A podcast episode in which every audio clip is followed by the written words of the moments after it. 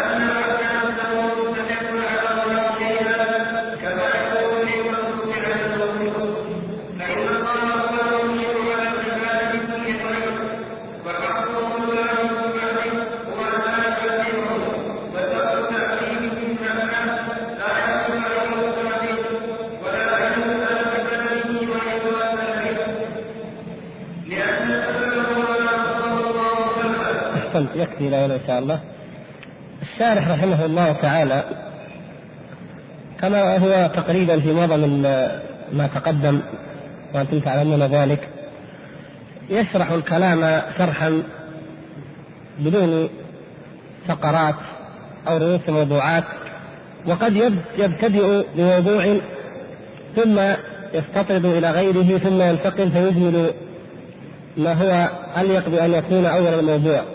ولا لا حرج في ذلك على اية حال.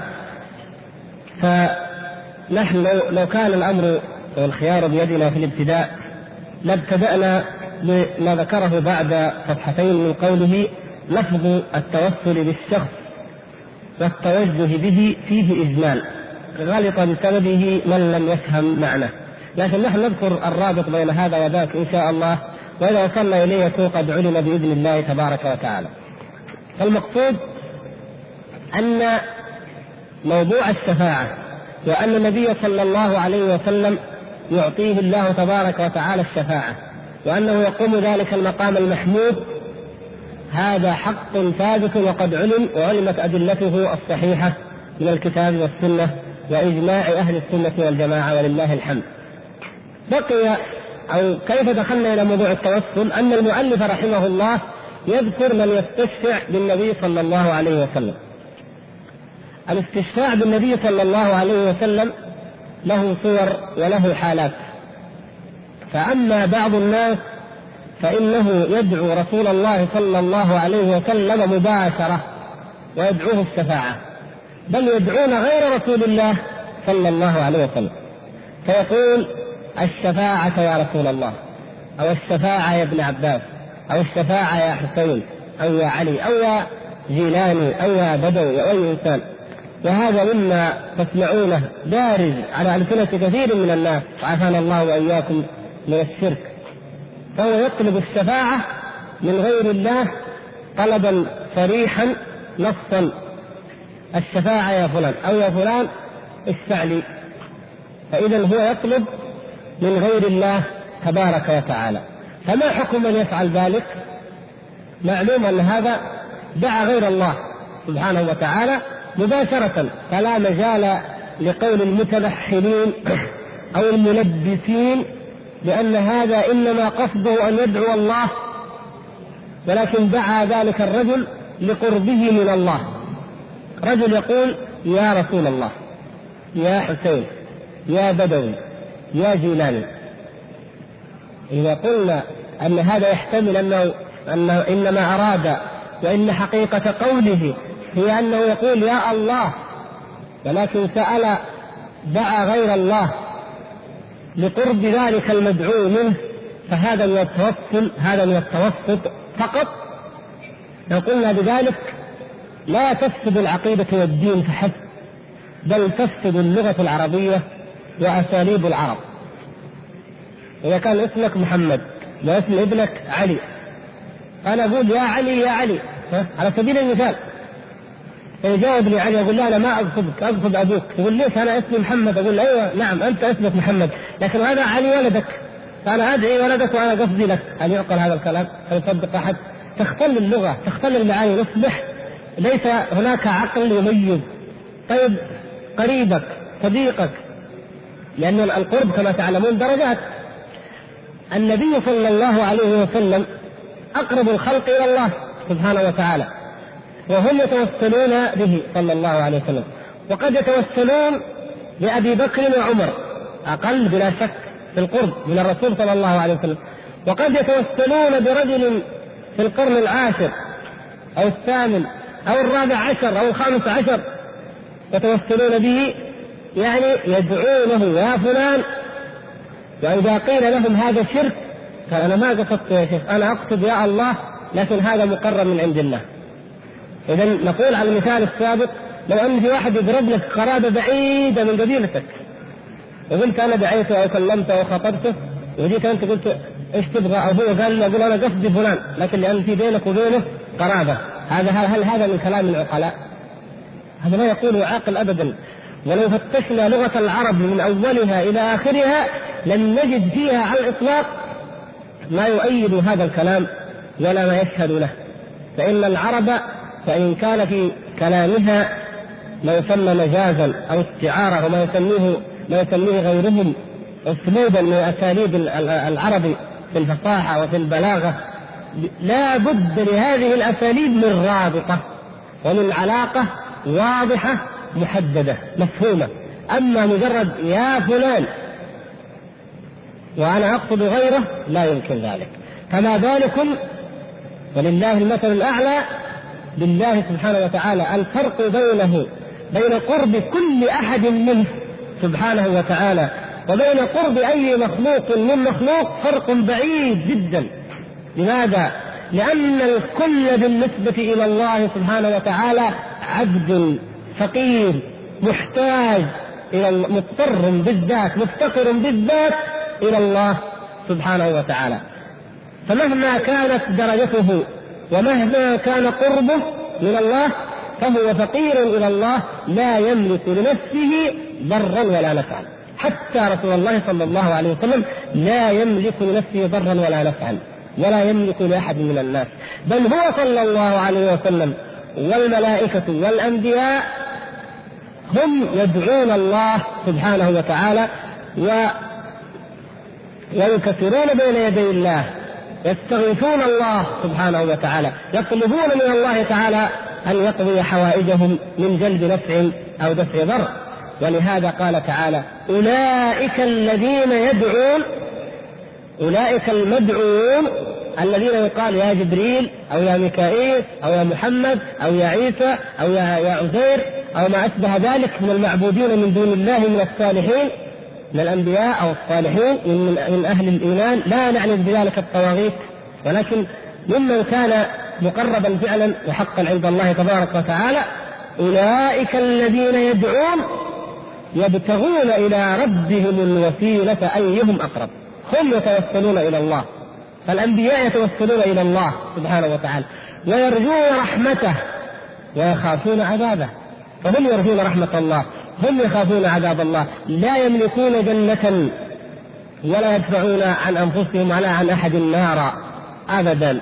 فهذا هو الأصل إذا فمن قال إنه يدعو ذلك لقربه من الله أو لعلاقة ما بينه وبين الله ويدعوه صريحا ويزعم مع ذلك أنه إنما يدعو الله فهذا شرك أكبر ومهما تنحل من الاعتذار لشركه لأنه يقصد كذا أو كذا فهذا مما لا تقره أساليب العربية ويعرف ذلك كل من عرف لغة العرب وأساليبهم. إذا نحن عندنا الآن عرفنا القضية الأولى وهي أن يقول الرجل يا رسول الله اشفع لي أو يا بدوي أو يا جلالي أو أي مخلوق كائنا من كان أسألك الشفاعة أو اشفع لي أو الشفاعة يا فلان. وما أشبه ذلك. وإن دعا أيضا بغير الشفاعة. هذا هو النوع الأول وهو شرك أكبر. ولذلك هذا هو التوسل الشركي أو هو نوع من أنواعه. ثم يقول وأما الاستشفاع يقول وأما الاستشفاع بالنبي صلى الله عليه وسلم وغيره في الدنيا إلى الله تعالى في الدعاء ففيه تفصيل. فإن الداعي تارة يقول بحق نبيك أو بحق فلان. الصورة الثانية أن أحدا لا يقول يا رسول الله اشفع لي ولكن يقول يا ربي بحق نبيك بحق فلان من الصالحين أعطني أو أدخلني الجنة أو يدعو بما شاء متوسلا بحق أي إنسان ولو كان رسول الله صلى الله عليه وسلم.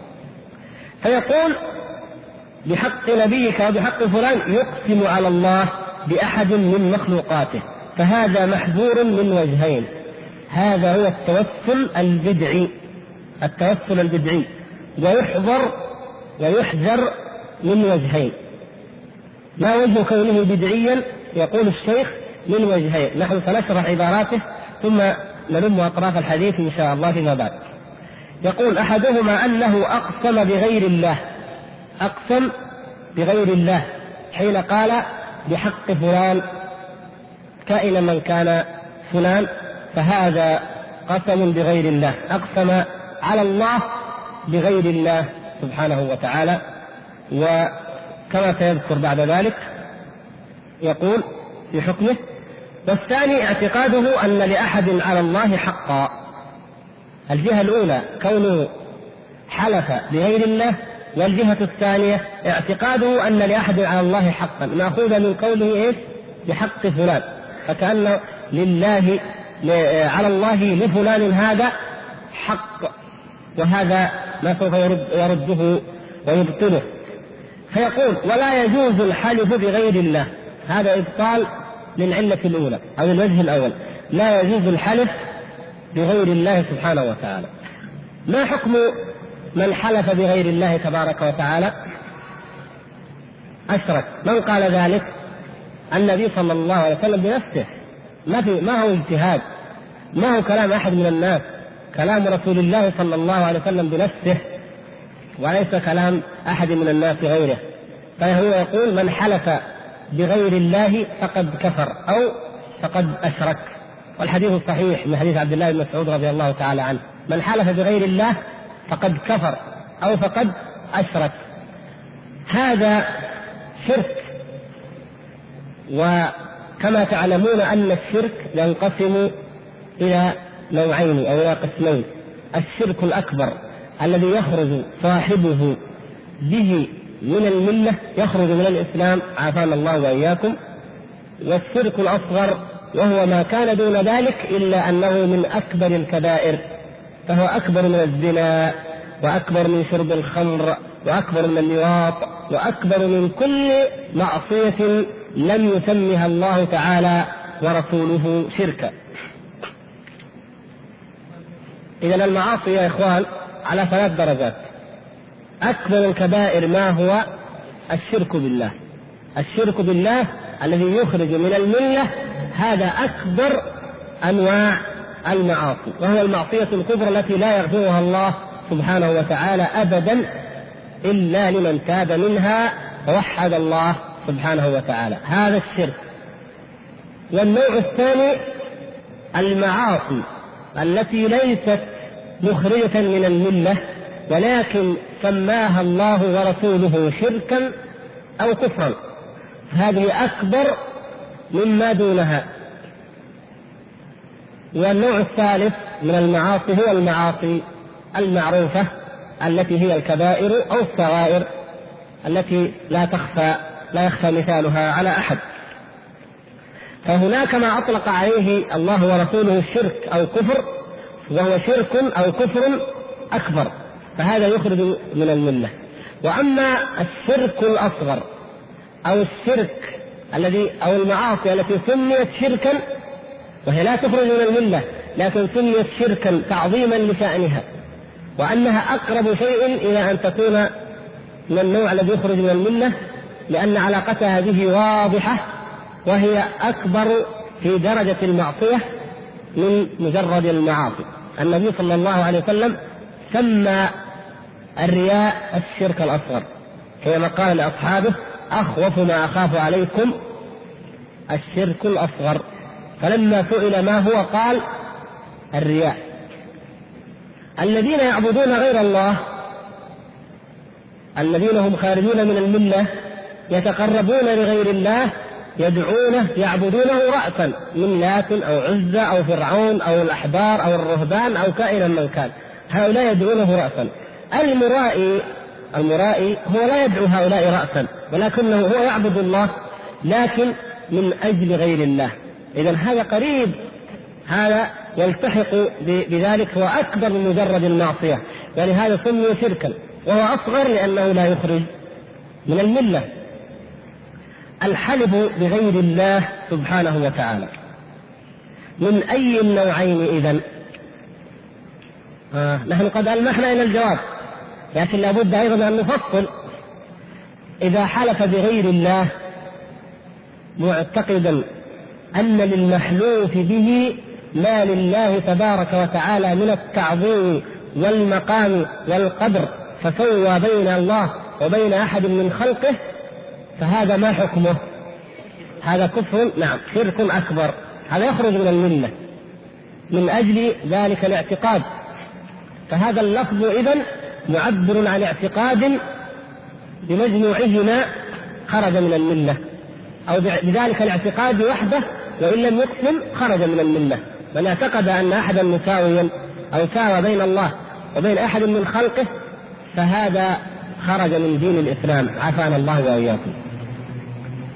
الله سبحانه وتعالى إنما مقت المشركين وكتب وأوجب عليهم الخلود في النار ولعنهم لماذا؟ من أجل الشرك ما حقيقة الشرك؟ ما هي حقيقته؟ كما ذكر الله سبحانه وتعالى في القرآن ذكر الله تبارك وتعالى في سورة الأنعام في موضعين حقيقة ما يفعله المشركون فقال في أول آية الحمد لله الذي خلق السماوات والأرض وجعل الظلمات والنور ثم الذين كفروا بربهم يعدلون. يعدلون. يعني هنا العدل في اللغة العربية معناه التسوية أو المساواة فكان العربي إذا ركب البعير أو الدابة وضع ها هنا حملا وها هنا حملا فعاد هذا العدل يعدل بينها فلا يميل أحدها على الآخر. هذا هو. ثم الذين كفروا يعدلون يساوون و و وجاء في آخرها أيضا والذين هم بربهم يعدلون. وهذا العدل الذي جاء في سورة الأنعام جاء في سورة الشعراء معبرا عنه بكلمة أخرى هي ماذا؟ التسوية قالوا تالله إن كنا لفي ضلال مبين لماذا؟ وهم في النار لماذا أشركتم؟ لماذا استوجبتم النار؟ عافانا الله وإياكم من ذلك. ماذا يقولون؟ ماذا يقولون أهل أهل النار؟ ماذا يقول أهل النار؟ يقولون إذ نسويكم برب العالمين. إذ نسويكم برب العالمين. العدل والتسوية هذه هي الشرك بالله سبحانه وتعالى. طيب في أي شيء يكون العدل ويكون التسوية؟ بين الله سبحانه وتعالى في سورة البقرة ذلك.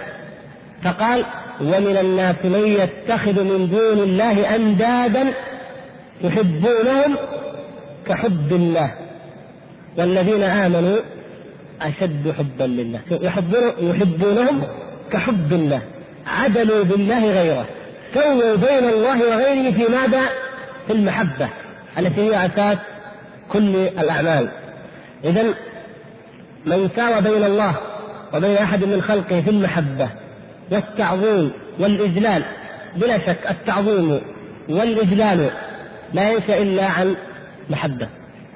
بل حتى الخوف الحقيقي الذي يعني هو خوف العبادة لا يكون إلا عن خوف المحبة. والرجاء الحقيقي لا ينشأ إلا عن ماذا؟ عن المحبة. الرجاء لا ينشأ إلا عن المحبة.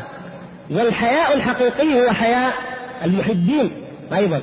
فكل ذلك المحبة أساس كل عمل من الأعمال. بحيث لو أن أحدا أبغض الله أو أبغض رسوله صلى الله عليه وسلم أو أبغض شيئا مما جاء به رسول الله صلى الله عليه وسلم لخرج من الدين نسأل الله العفو والعافية. يعني بغضاء بغض اعتقاد لا مجرد غلبة النفس أو عدم رغبتها. فالمقصود أن من يحلف بغير الله إن ساوى الله تعالى بغيره ساوى ذلك المحلوف به ساواه بالله عدله بالله في التعظيم والإذلال فإنه يكفر والعياذ بالله. ولا يكون مؤمنا قط وإن عمل ما عمل من الطاعات من صيام وقيام وجهاد وأمر بالمعروف ونهي عن المنكر وما أشبه ذلك. لأن الله تبارك وتعالى يقول وقدمنا إلى ما عملوا من عمل فجعلناه هباء منثورا. لا ينفع المشرك المشركين أي عمل. كل ذلك يكون هباء منثورا. نسأل الله العفو والعافية. وإنما من فضله أو من عدله تبارك وتعالى أنه لا يظلم أحدا يعجل لهم طيباتهم في حياتهم الدنيا ويعطيهم بها الذكر الحسن أو الصحة أو العافية أو المال أو ما يشاءون في هذه الحياة الدنيا. أما يوم القيامة لا يجدون شيئا على الإطلاق. لماذا؟ لأنه لا أساس لهذه الطاعات من توحيد الله والإيمان به سبحانه وتعالى. فكل ذلك قد محقه الشرك وأذهبه فهو هباء منثور لا ينفع صاحبه بشيء. وتعلقهم به هو كتعلقهم بغير الله سبحانه وتعالى مثل الظمآن الذي يلهث ويركض ويجري وراء السراب يحسبه ماء وليس كذلك ولن يبلغ إلى فيه أي شيء من ذلك. فهذا إذا لأنه عظم غير الله سبحانه وتعالى. هل هناك صورة أشنع من ذلك؟ يعني إذا قلنا أن من عظم غير الله تعظيما مساويا لتعظيم الله فحلف بغير الله معتقدا أن ذلك أن لذلك المحلوف به من التعظيم ما لله هذا حكمه ما سبق. أشنع من ذلك أن بعض الناس يعتقد لغير الله سبحانه وتعالى من التعظيم أعظم من ما لله عياذا بالله. وإن جادل ومارى فامتحنوا ذلك بحقيقة ألفاظه لأن ما يعتقده الإنسان يعبر عنه القلب رجل يحلف بالله يحلف له بالله أو يحلف هو بالله فلا يصدق فيحلف لهم بالشيخ فلان. لماذا؟ لماذا أخر الشيخ؟ آخر شيء. يعني الذي هو الذي يدل على أنه ليس بعده احتمال ولا ملجأ. حلف حتى بالشيخ. أول مرة حلف بالله ما صدقنا لكن في الأخير حلف. قال أخذنا معاه لين حلف بالشيخ. يعني ليس وراء الحلف بالشيخ أي شيء والعياذ بالله. إذا من هو الأكثر تعظيما؟ الله أم الشيخ؟ هذا الشيخ والعياذ بالله. وبعضهم يحزن واسألوا من يعرف بعض البيئات.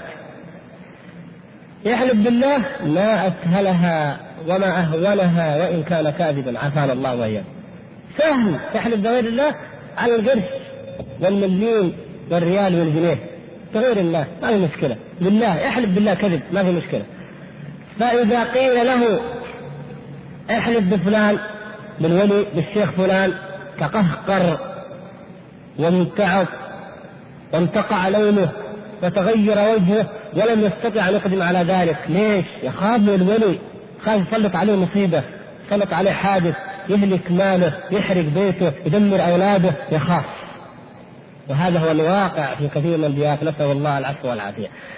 هؤلاء اذا هل الأمر عندهم مجرد تسويه أو عدل؟ وإلا أكثر من ذلك؟ أكثر. هم عكس من قال الله تعالى فيهم والذين آمنوا أشد حبا لله. هؤلاء ليسوا فقط يحبونهم كحب الله بل أكثر. يعظمون من يعبدون أكثر. أخي على طريق الحق هنا منتصف الشريف. سبحان الله. هل هذا ما وعد الله تعالى به عباده الصالحين؟ لا والله. لكن هناك خلل حجب ومنع فضل الله وكرم الله وعزة الله عن هؤلاء الناس. عافانا الله وإياكم. هذه إذا هي القضية الأولى وهي أن يحلف أحد بغير الله مساويا لله في التعظيم عادلا به رده في التعظيم أو معظما له ومحبا له أكثر من تعظيم الله ومن حب الله تبارك وتعالى. الحالة الثانية أن يحلف رجل بغير الله إما عادة تعودها إما وراثة ورثها إما لسانه سبق إلى ذلك وإما مع خلو الحاصل هو إيش؟ مع خلو القلب من اعتقاد أن ذلك الإنسان مثل الله أو أنه حد الله أبدا لا يخطر ذلك بباله وإنما وقع ذلك بماذا؟ بلسانه. هذا حلف بلسانه ولكن في قلبه لا يعظم ذلك الإنسان لا مثل تعظيم الله ولا بالطبع ما هو أشد من ذلك. فهذا هو الذي يكون فعل الشرك الأصغر. ونرجع إلى القاعدة التي ذكرناها. معصية سميت شركا أكبر أم معصية لم تسمى شركا؟ أيوه. ولهذا عبد الله بن مسعود رضي الله تعالى عنه ماذا قال؟ لأن أحلف بالله كاذبا كيف؟ أحب إلي من أن أحلف بغيره صادقا. انظروا انظروا إلى فقه الصحابة الكرام. انظروا إلى معرفتهم للتوحيد ولهذا لما نقول الأثر والثمرة والبركة نعم انظروا أثر ذلك. نصر الله الصحابة الكرام رفعهم في الدنيا وفي الآخرة وفقهم نور قلوبهم وأنار بهم الدنيا. لماذا؟ عرفوا الله. ما دعوا إلا إلى توحيد الله. ووحدوه عبدوه على علم وعلى بصيرة وعلى بينة. انظروا إلى هذا الفقه العجيب. لأن أحلف بالله كاذبا أحب إلي من أن أحلف بغيره صادقا. عجيب يا أبا عبد الرحمن. ولماذا ما حكم الحلف؟ ما حكم الحلف؟ بالله كاذبا. هذه اليمين الغموس كبيرة من الكبائر التي ورد التغليظ فيها أن رجلا يحلف بغير الله كاذبا. نسأل الله العفو والعافية. ولا يغرنكم ما ما هو رائد في الناس اليوم. فإن ما وقعت فيه الأمة من المصائب والدواهي أكثر من أن يحصر. ولذلك ولا سيما ما يتعلق به بالتجار بالذات. يحلف ليروج سلعته يحلف أن هذا أفضل نوع ويحلف أن رأس ماله كذا لماذا؟ ليروج سلعته بالحلف الكاذب. وهذا أحد الثلاثة الذين لا يكلمهم الله يوم القيامة ولا ينظر إليهم والعياذ بالله. لماذا تحلف بالله كاذب لتروج امرا من أمور الدنيا. الدنيا التي كلها من أولها إلى آخرها لا تساوي عند الله جناح بعوضة. تحلف بربك العزيز الجبار المتكبر سبحانه وتعالى كاذبا لتروجها وقد تكون أكثر من ذلك وحتى حتى أن المشترين لم يعودوا يبالون بالأيمان. وكل ما يعرف ذلك إن ذهبت إلى الحلقة أو إلى دكانه ما تنظر إلى أنه حلف وما حلف. ليش؟ من كثر ما تعودنا ذلك ما أصبح لا يؤثر لمن تعودوا أن يحلف بغير الله كاذبين والدليل أن الواحد منهم يتناقض في نفس اللحظة عافانا الله وإياكم استهنا بها لكن في الحقيقة غاموس غموس ما معنى غموس؟ تنغمس صاحبها في النار هل لها من كفارة؟ يكفرها يكون ثلاثة أيام ولا يكون عشر مساكين؟ لا هذا مما يخطئ فيه بعض العوام والواجب على من؟ على طلاب العلم أن يعلمهم أن الكفارة لا تكون إلا على فعل شيء مستقبل لا تكون على الكذب. اليمين إذا حلف أحد يمينا ثم رأى أن خلافها خير فالنبي صلى الله عليه وسلم أرشدنا وهو صاحب الشريعة السمحة إلى الحل. قد فرض الله لكم تحلة أيمانكم. فليكفرها. هذا ما ما أنزله الله تعالى له وأخبرنا به صلى الله عليه وسلم أيضا فليكفرها وليأتي الذي هو خير. يكفر اليمين وليأتي الذي هو خير. أقسم أنه لا, لا يأكل نوع من الطعام. أقسم أنه لا يفعل عمل من الأشياء الحلال. وإن كان واجب إن كان العمل واجبا وأقسم أن لا يفعله هذا أشد لا شك وأوجب لأن يكفر. فهذا يكفر عن يمينه بأن يطعم عشرة مساكين أو كسوته من أوسط ما يأكل وما يطعم أهله. فإن لم يجد فليصم ثلاثة أيام. هذا في اليمين المنعقدة التي يعقدها إنسان عازما على أمر ما. لكن يمين كذب حلف واحد على شيء كذب كاذب ما له أصل. والله لقد حصل كذا وكذا. والله لقد قلت كذا وكذا. والله لقد ساعدتك بكذا وكذا. هذه تسمى اليمين الغموس ما وقع شيء من ذلك ولكن حلف عليها. هذه يمين غموس صاحبها في النار. لا كفارة لها إلا النار. إلا شيء واحد القاعدة العامة دائما وهو إيش؟ إذا تاب. إذا تاب. ما تاب ما يكفرها إطعام ولا إنفاق ولا شيء إلا النار عافانا الله وإياكم. أما إذا تاب فالله تبارك وتعالى يقبل التوبة عن عباده مما هو أكبر من ذلك وهو الشرك بالله. إذا تاب وأقلع وندم واستغفر ولم يعد إلى الحلف بالله تعالى كاذبا أبدا. ما هو ما هو الذنب؟ ما هو الحلف الذي أكبر من هذه الغموس على ما فيها من شؤم وشر؟ هو أن يحلف بغير الله. كاذبا؟ قال حتى لو كان صادق. حلف بالولي فلان إنني أعطيتك كذا. يا شيخ لا تحلف بغير الله. قال أنا صادق يا أخي أنا صادق. هذا هذا يقوله الناس كثير. يظن ما دام صادق المسكين ما دام صادق ما عليه أنا حلفت أنا صادق. نقول القضية ليست في الكذب وفي الصدق. خرجنا الآن من قضية المعاصي مجرد معصية لم تسمى شركا. ان يقال أنك كذبت فهذه كبيرة أو صدقت فلا إثم عليك. انتقلنا إلى مبحث آخر أهم وأكبر وهو أنك فعلت ما سماه الله ورسوله شركا. هذا شرك. فما ننظر إلى كون وقع ولا ما وقع. ننظر إلى ماذا؟ إلى كونك بالذات اللفظ حينما حلفت. حلفت بغير الله وأقسمت بغير الله سبحانه وتعالى وهذا لا يجوز بأي حال من الأحوال.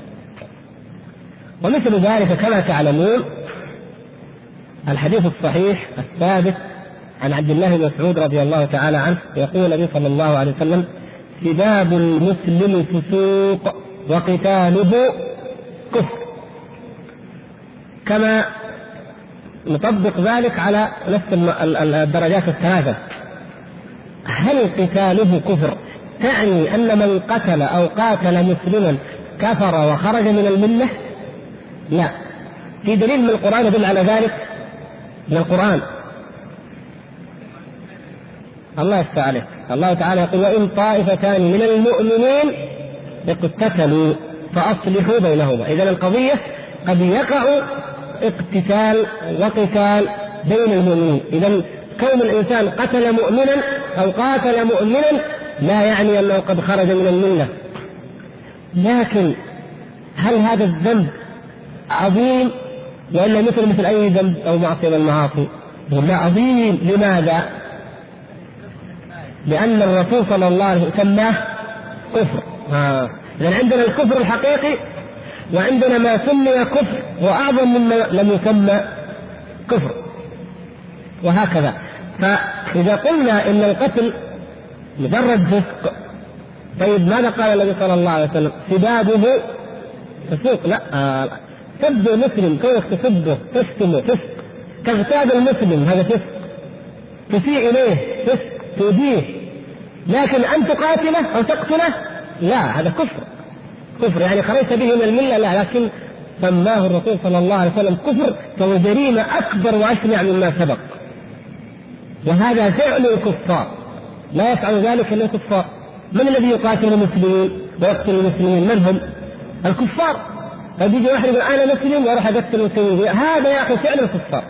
صحيح اننا لا نخرجه من الملة بمجرد أنه فعل ذلك لكن هذا فعل الكفار وهذا الفعل هو كبيرة ومعصية. سماها الرسول صلى الله عليه وسلم كفرا وكفى بذلك زاجرا لمن كان يؤمن بالله ورسوله واليوم الآخر. هذا يشهد لتلك القاعدة. طيب إيش رأيكم في قول النبي صلى الله عليه وسلم؟ بين العبد وبين الكفر ترك الصلاة. زيها ولا ما زيها؟ ها؟ خروج يعني كفر أكبر فعلا لماذا؟ لماذا؟ أيوه تمام يعني ذكرتم إن شاء الله المقصود إيه؟ من ناحيتين اولا أن الصلاة ترك الصلاة دلت الأدلة وأجمع الصحابة ولا يعتد بخلاف من خالف بعد إجماع الصحابة على أن تارك الصلاة كافر كفرا يخرج من الملة. والشيء الثاني كما أشرتم في نفس اللفظ فرق في فرق ولا لا؟ بين قولنا قتاله كفر وبين بين العبد وبين الكفر ترك الكفر المعرف هذا غير كفر. ولهذا يا إخوان يجب أن نفهم الفاظ ديننا.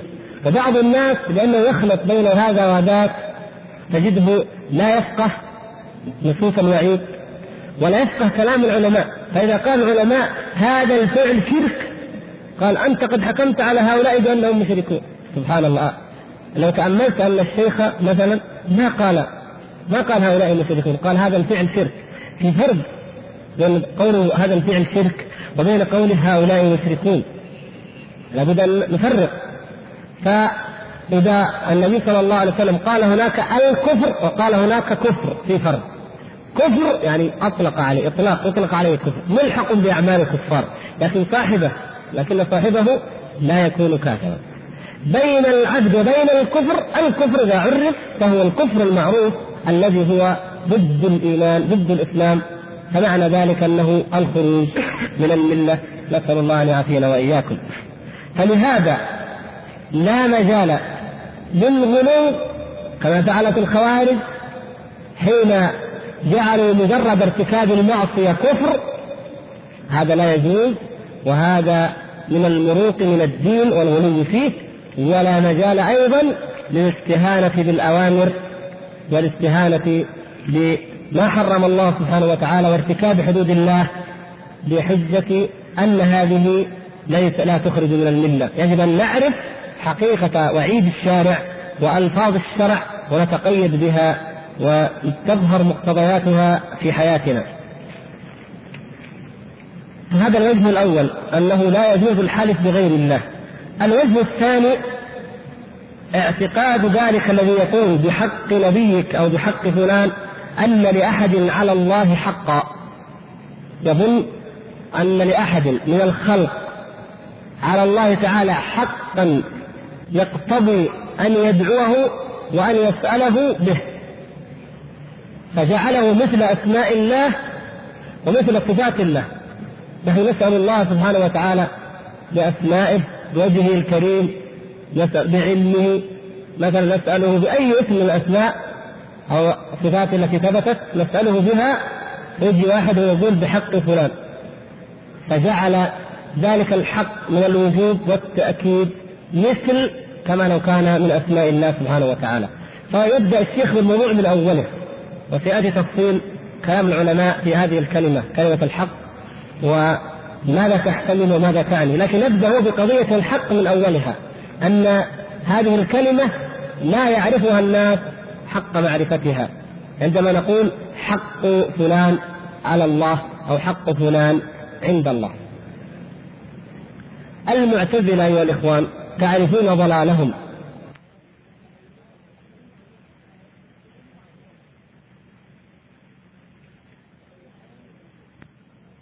وأن يعاقب المسيء. واجب نعوذ بالله. كيف يجرأ لسان أو فم أو قلب أن يوجب على رب العالمين سبحانه وتعالى شيء؟ الذي لا يسأل عما يفعل. وهم يسألون والذي كل شيء عنده خزائنه وله الأمر وله الخلق ولا معقب لحكمه ولا راد له ولا مانع لما أعطى ولا معطي لما منع ومع ذلك يقولون يجب ولهذا كما سبق لما أنكروا الشفاعة لماذا أنكروا الشفاعة؟ نفس هذا الأصل هذا الأصل قالوا كيف نثبت الشفاعة؟ انسان عصى الله ويجي واحد يشفع فيه وهو يتهم المعصية هكذا لا يجب على الله أن يعذبه والعياذ بالله. شفتم كيف؟ هؤلاء حجروا رحمة الله أو نفوها وهو قد سبحانه وتعالى كتبها وجعلها سابقة لغضبه. فيقول الشيخ ليس لأحد على الله حق إلا ما أحقه على نفسه سبحانه وتعالى. هو هو سبحانه وتعالى جعل ذلك حقا على نفسه ولا يفرض أحد عليه حقا سبحانه وتعالى. هو من كمال عدله سبحانه وتعالى جعل ذلك. وإلا لو شاء لفعل غير ذلك ومن الذي يحاسبه؟ ومن الذي يؤاخذه؟ ومن الذي يقول لما فعلت؟ لا أحد. كل الخلق نواصيهم بيده سبحانه وتعالى. ولهذا أذل سبحانه وتعالى أذل أعدى أعدائه أذل الطواغيت أذل المجرمين أذل أذل المعارضين له بما يشاء بما شاء من جنده وكل ذلك عليه هين سبحانه وتعالى. من الذي يوجب عليه شيئا؟ وأيضا من هذا الذي عبده سبحانه وتعالى؟ فاستحق فاستحق بعبادته وبطاعته أن يكون له حق واجب. على الله سبحانه وتعالى. انظروا يا اخوان وتأملوا. لو أن عبدا أطاع الله سبحانه وتعالى ليل نهار عبادة ذكرا قراءة قرآن جهادا أمرا بالمعروف نهيا عن المنكر ولم يعص الله تبارك وتعالى طرفة عين. انظروا إلى حال هذا الرجل ثم انظروا. من الذي خلقه؟ الله سبحانه وتعالى. من الذي هداه؟ وغيره بالمال الله. من الذي أطعمه وسقاه وقواه على هذه العبادة؟ الله. من الذي علمه هذه العبادة وقال اعبدني بهذا الشيء؟ هذا هذا من؟ الله. إذا الفضل لمن أولا وأخيرا؟ لمن؟ لله سبحانه وتعالى. فمن أين يكون لأحد حق على رب العباد سبحانه وتعالى؟ من أين؟